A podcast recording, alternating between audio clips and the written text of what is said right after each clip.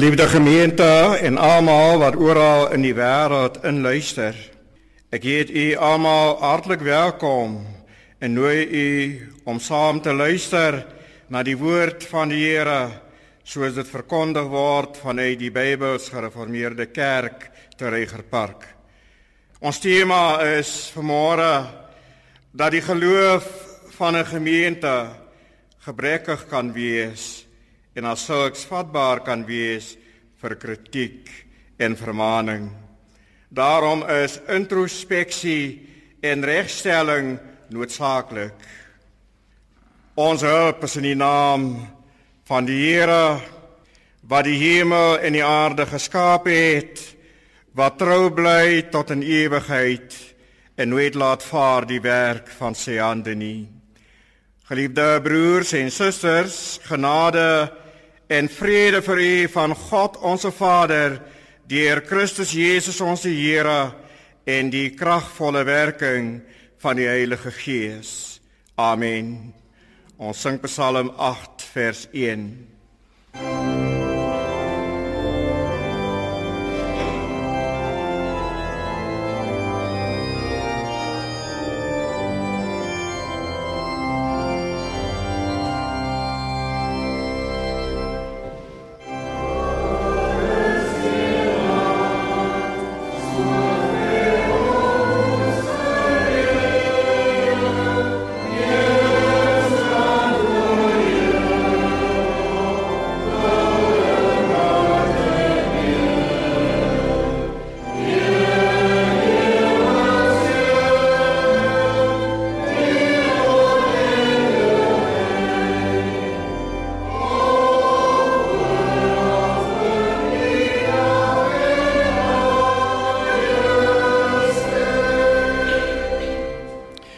Ons doen nou saam belydenis van ons geloof en elkeen sê soos volg: Ek glo in God die Vader, die almagtige, die skepper van hemel en aarde, en in Jesus Christus, sy enige gebore seun, ons Here, wat ontvang is van die Heilige Gees, gebore uit die maagd Maria, wat gelei onder Pontius Pilatus, gekruisig, gestorwe en begrawe is en neergedaal het na die hel wat op die derde dag weer opgestaan het uit die dode opgevaar het na die hemel en sit aan die regterhand van God die almagtige Vader van waar hy sal kom om te oordeel die lewendes en die dooies ek glo in die heilige gees. Ek glo in die heilige algemene christelike kerk die gemeenskap van die heiliges die vergifnis van sondes, die wederopstanding van die vlees en die ewige lewe. Ons skriflesing is uit Romeine 1 vers 8 tot 12. Maar eers lees ons die wet soos ons dit vind in Matteus 22 vanaf vers 34 tot 40. Dit is die samevatting van die wet van die Here.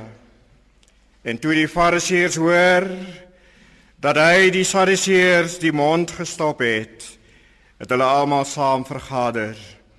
En een van hulle, 'n wetgeleerde, het 'n vraag gestel om hom te versoek en gesê: "Meester, wat is die groot gebod in die wet?"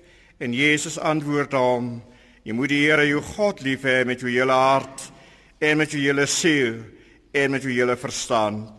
Dit is die eerste en groot gebod.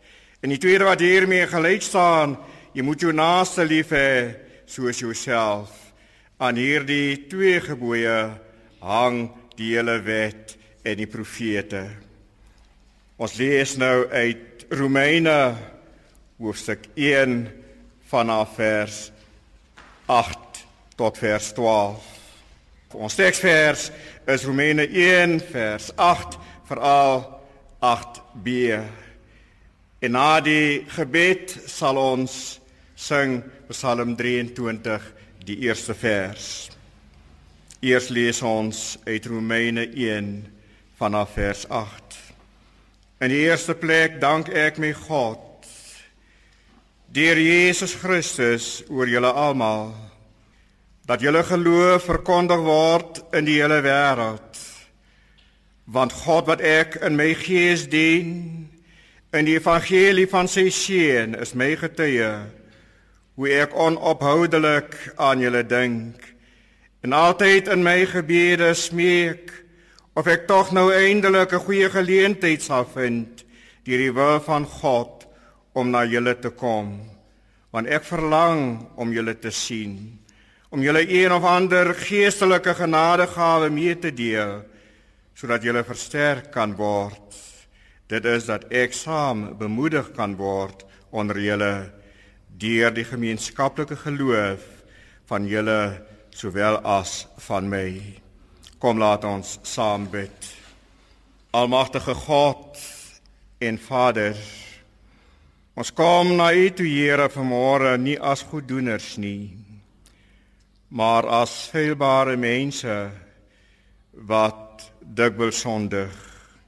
Ook as mense wat deur U in Christus Jesus begenadig is en vergewe is van al ons sondes. Ons bid U dat U vanmôre U woord sal seën, Here. Dat U ons deur U Gees sal lei dat die elkeen wat inluister en die wat nie kan nie Here wat dalk siek is of miskien in die hospitale verkeer of waar ook al dat u Here hulle ook in staat sal stel om u woord te kan hoor. Ons bid Here vir armes. Ons bid Here vir verslaafdes. Ons bid Here ook vir die wat nie meer na u wil luister nie. O mense, Here, bid ons voor wat pyn verduur. Huise waar daar twis is, môre het daar dalk mense opgestaan in 'n huis, Here, waar daar twis is. Ons bid vir hulle dat daar vrede sal wees. Gee Here dat u woord sal seëvier terwyl ons luister. Ons bid Here vir ons regering. Ons bid Here vir reg en geregtigheid. Ons bid Here vir die geneesheere by hospitale, alle instansies Here waar siek is en hoe mense versorg word, fisies gestremdes versorg word Here. Ons bid dat U aan elkeen wat daarbey betrokke is, die nodige krag en seëninge sal skenk. Hoor ons Here wanneer ons ons skuld bely in die naam van ons Here Jesus Christus pleit dat U ons steeds sal vergewe wanneer ons daagliks sondig. Ons bid dit Here in die naam van ons Here Jesus Christus.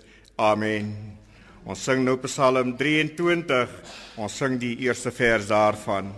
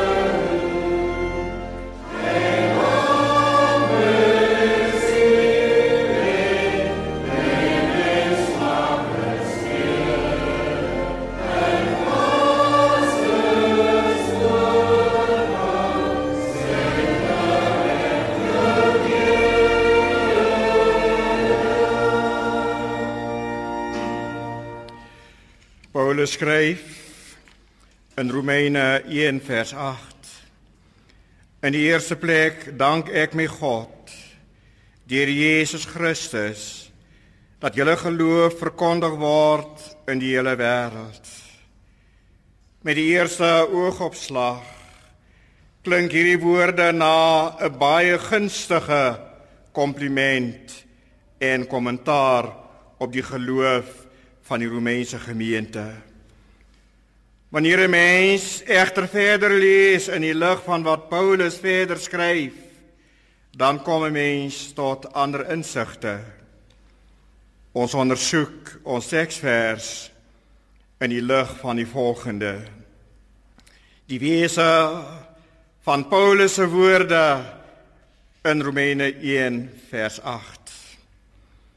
In die tweede plek Paulus se dank aan God In die derde plek die aard van die Romeinse gemeente se geloof. In die vierde plek Paulus se kritiek en vermaaning. En in die vyfde plek introspeksie of hand in eie boesem. Ons kyk eers na die wese van Paulus se woorde in Romeine 1 vers 8.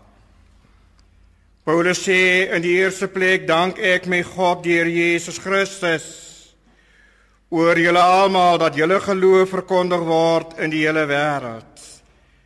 Wat is agter hierdie woorde van Paulus? Om agter die kap van die Bybel te kom, moet ons Paulus se woorde in Romeine 1 vers 8 in die lig van en teen die agtergrond van die Grieks Romeinse kuns van welsprekendheid, redenaarskuns, disputasies en strukturering van logiese argumentasies. Die kuns van die betekenis van woorde en die kuns van hoe dat woorde bymekaar gevoeg moet word. Paulus skryf hierdie brief aan die Romeine terwyl hy in Korinte was, terwyl hy daar verkeer het ongeveer in 55 of 56 na Christus. Dit was steeds die bloeityd van die sogenaamde era van die Romeinse ryk wat gestrek het vanaf die tyd van keiser Augustus wat die beskermheer van die retorika was en die oratorkuns tot in die tyd van keiser Nero in die tyd van Paulus was hierdie hierdie praktyk, hierdie manier wat die Romeine vereis het wanneer 'n mens 'n toespraak lewer of wanneer 'n mens 'n brief skryf. Alle aspekte van die redenaarskuns, retorika en logika moes ingewerk word in 'n stuk brief of een of ander toespraak. Paulus was 'n man van sy tyd en hy was baie goed toegerus. Hy het gestudeer onder Gamaliel en ook klas gegee by die skool van Tyrannus, 'n leraar in filosofie. Dus wanneer Paulus sê in die eerste plek dank ek my God oor julle geloof deur Jesus Christus dat dit verkondig word in die hele wêreld, dan is hierdie woorde volgens die Grieks-Romeinse openingswoorde vir 'n toespraak. Die Romeine het dit die exordium genoem. In dieselfde vorm het Paulus sy openingsrede gelewer voor die Ateners op die Areopagus. Toe hy gesê het Ateners Ek sien dat julle in elke opsig baie godsdienstig is. Daarna het hy hulle geprys en hulle geloof en hulle toegedig met lof. Voorbereiding vir sy komende toespraak. Op dieselfde wyse het Paulus aan die goewerneur Antonius Felix die woorde toegerig wat hom geprys het en lof toegedig het. Ook voor koning Agrippa het Paulus 'n soortgelyke openingswoord gerig aan die koning. So 'n uitdrukking kon soms so gestel word dat dit sarkasties is, dat dit vleiend is, eufemisties is of met die tong in die kies geuiter word. Die gevolgtrekking waartoe ons kom dus is dat hierdie woorde van Romeine 1 vers 8 deur vorm van die aanhef wat strek vanaf vers 1 en dat dit volgens die Grieks-Romeinse styl is. Maar dat Paulus nie die gemeente in Rome lof toedig of dat hy hulle nie prys nie, veral omdat Paulus die gemeente in die daaropvolgende gedeeltes heftig, baie ernstig en kritiserend aanspreek soos 'n geloofsregter beskuldigend die gemeente van Rome se geloof was alles behalwe prysenswaardig. Paulus se woorde in 1 vers 8 kan hoogstens gesien word as geskwee op die lees van die Grieks-Romeinse kuns van argumentasie waar die beroep gedoen word op 'n gehoor of geadresseerde se emosies in 'n poging om na hulle hart te spreek of om hulle in sy guns te kry. 'n beroep op hulle gevoelens om sodoende hulle ondersteuning te kry. Wanneer Paulus dus hierdie woorde uitspreek dan is die gemeente van Rome onbewus van die feit dat hulle geloof in die hele wêreld verkondig word. En daarom gebruik Paulus hierdie onkunde en inligting tot sy voordeel met die bedoeling om hulle daarvan bewus te maak en om hulle te ooreed tot 'n ander insig. Hierdie argument het bekend gestaan as argumentum ad ignorantium. Argument in terme waarvan die spreker staat maak op die onkunde van sy gehoor of luisteraars. Met hierdie woorde van 1 vers 8 wil Paulus tot die punt kom in die geval van hierdie mense is dit 'n argumentum ad rem argument wat tot die punt kom. Paulus wil nie nog tyd mors nie. Wanneer ons Paulus se woorde dus van naderby ondersoek, dan vind ons dat Paulus se dank aan God en die uitdrukking dat julle geloof verkondig word oor die hele wêreld sekere implikasies het. Kom ons kyk eers na Paulus se dank aan God. In ons teksvers vers 1 8a sê Paulus in die eerste plek dank ek my God deur Jesus Christus oor julle almal. Paulus se dank aan God is eg en opreg. Hiermee word eer, lof en danksegging aan God toegebring. Dit is anders as die geval met die gemeente van Rome en in teenstelling daarmee Paulus dank hulle nie. Paulus sê nie dat hy hulle dank vir hulle geloof wat oor die hele wêreld verkondig word nie. Maar hy sê dat hy God dank daarvoor. As nie die Heer God was nie, sou hulle geloof nie verkondig gewees het nie, oor die hele wêreld nooit bekend gestaan het nie. Paulus sou nie daarvan geweet het nie. God laat alle gemeentes se geloof verkondig word oor die hele wêreld ongeag van die aard van die geloof van so 'n gemeente. God laat opregte en onopregte vals en ware geloof bekend word in die hele wêreld. Hy self ken elke gemeente se geloof en werke. Lees gerus Openbaring 2 en 3. So het die geloof van die gemeente van Rome tot die ore van Paulus gekom. Kom ons kyk na die uitdrukking dat hele geloof verkondig word oor die hele wêreld.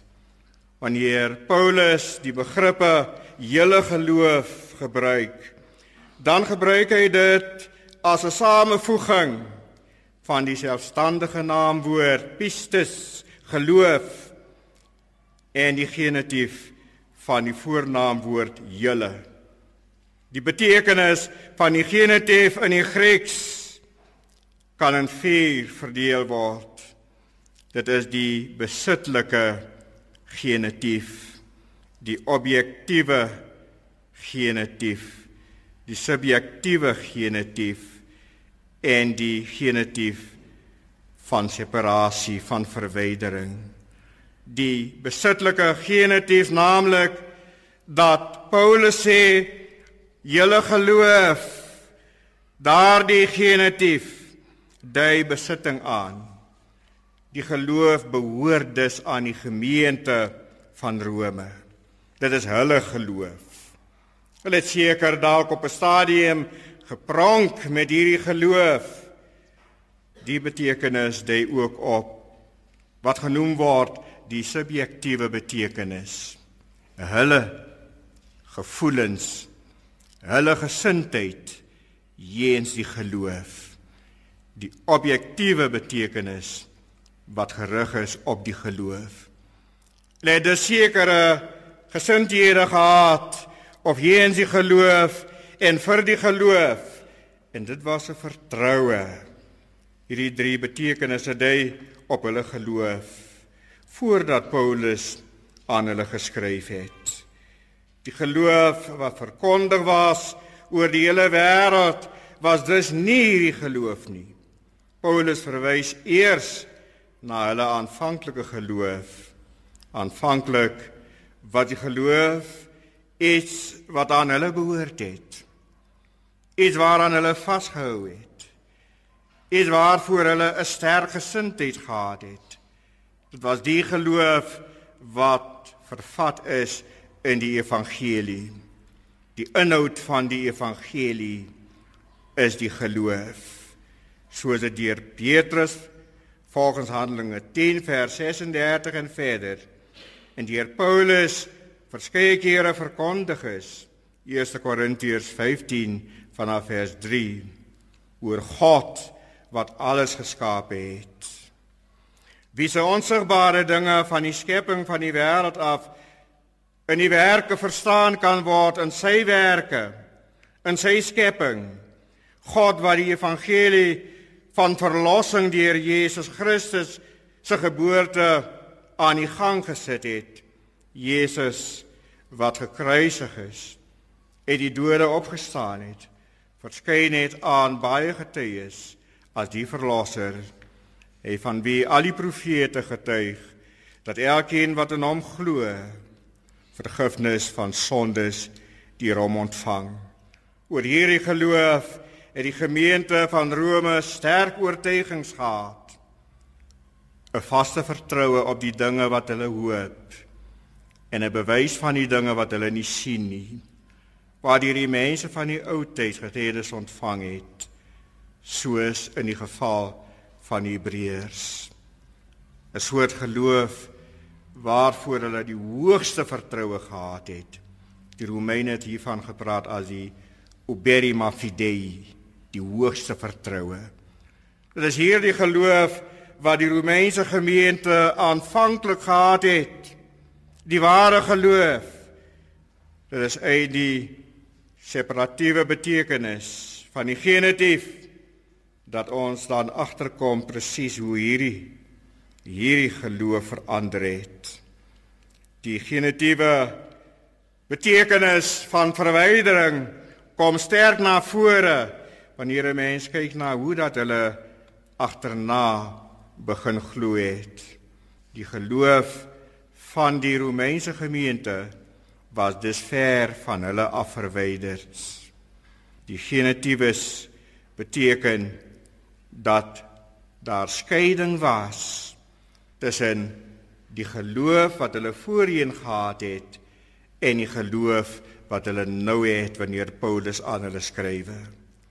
Paulus gebruik van die teenwoordige deelwoord in die konjunktief kat angeletai dui aan dat die woord verkondig is hulle geloof verkondig is oor die hele wêreld maar as 'n gevolg van die konjunktief in Engels die subjunctive is daar twyfel is daar onsekerheid in dit wat Paulus sê oor hulle geloof met ander woorde hulle geloof is onseker hulle geloof is swak.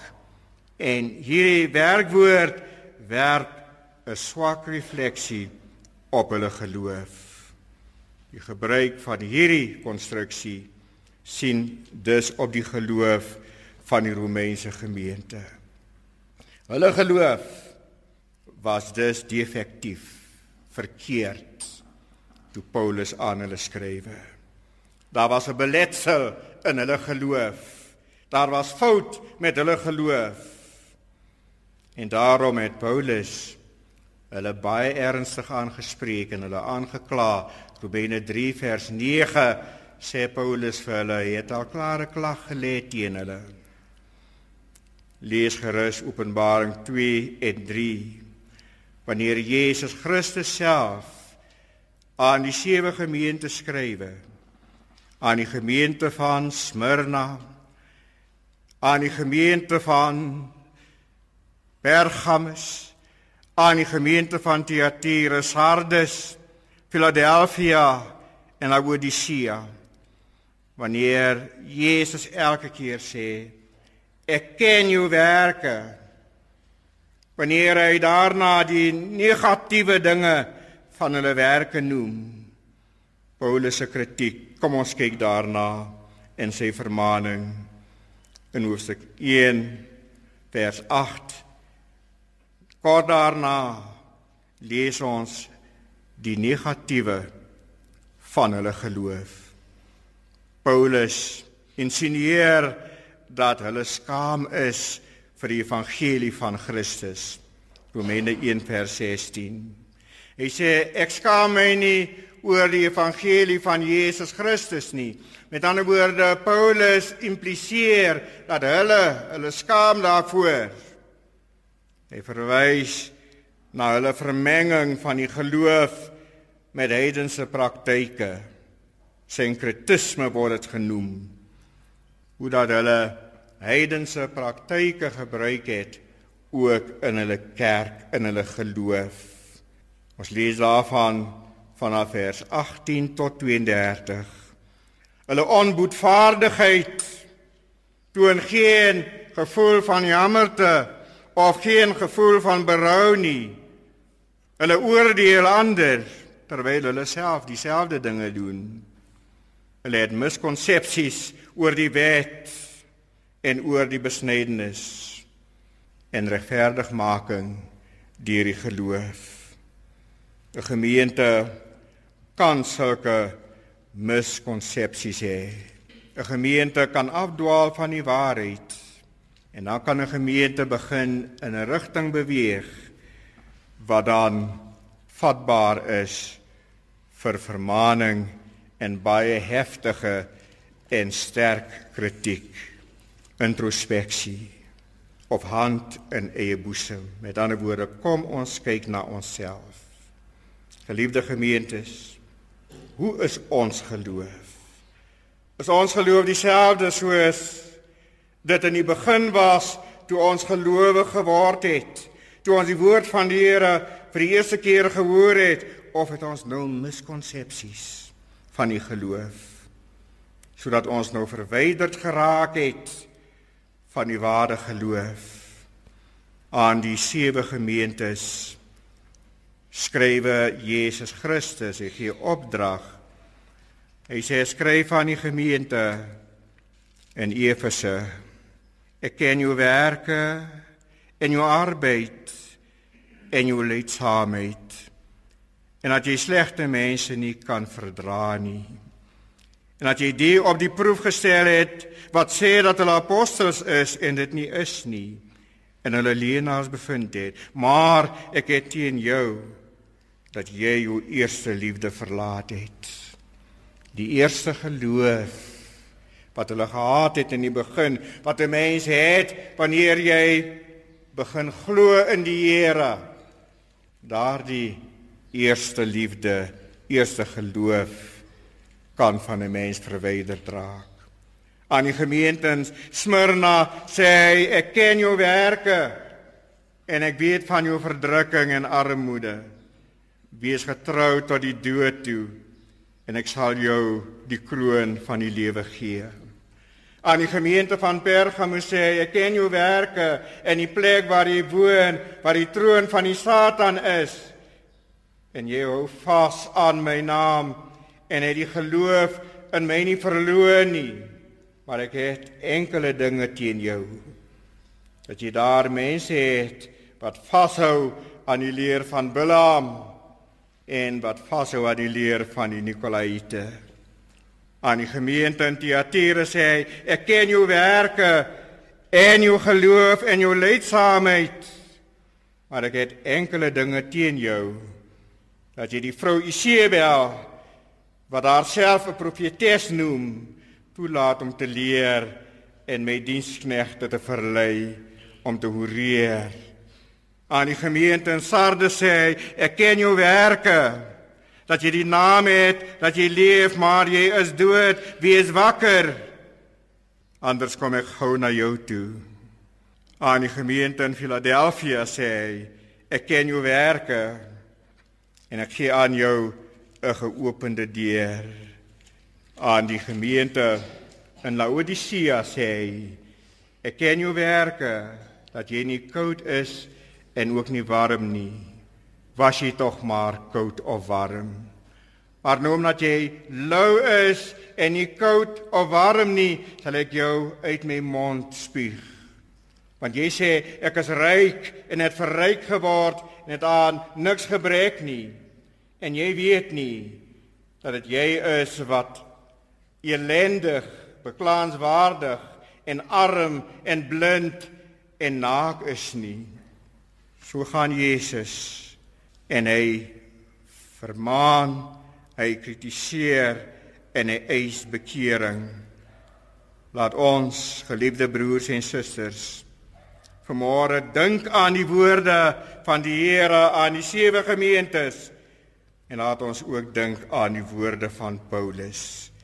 Laat ons die woorde van Paulus sien in die lig van die woorde van Jesus Christus ten slotte. Amen. Kom laat ons saam bid. Almagtige God en Vader, ons dank U dat U ons in staat gestel het om U woord te kon aanhoor. Ons dank U Here vir die voorreg. Anders het ons nooit hierdie voorreg gehad nie as U dit nie bewerk het nie. Ons dank hulle Here wat U gebruik as instrument in U hand om dit moontlik te maak. En ons bid dat U elkeen Here wat hierby betrokke is naby sal wees. Gaan met elke gemeente in hierdie wêreld. Gee dat elke gemeente, ons almal Here, dat ons rekening daarmee sal hou dat ons geloof vatbaar kan wees vir kritiek. En daarom is introspeksie en bekering noodsaaklik. Oor ons Here wanneer ons bid in die naam van ons Here Jesus Christus. Amen. Hef op u hart en ontvang die seën van die Here. Mag die genade van ons Here Jesus Christus die liefde van God en die gemeenskap van die Heilige Gees saam met u almal gaan. Amen.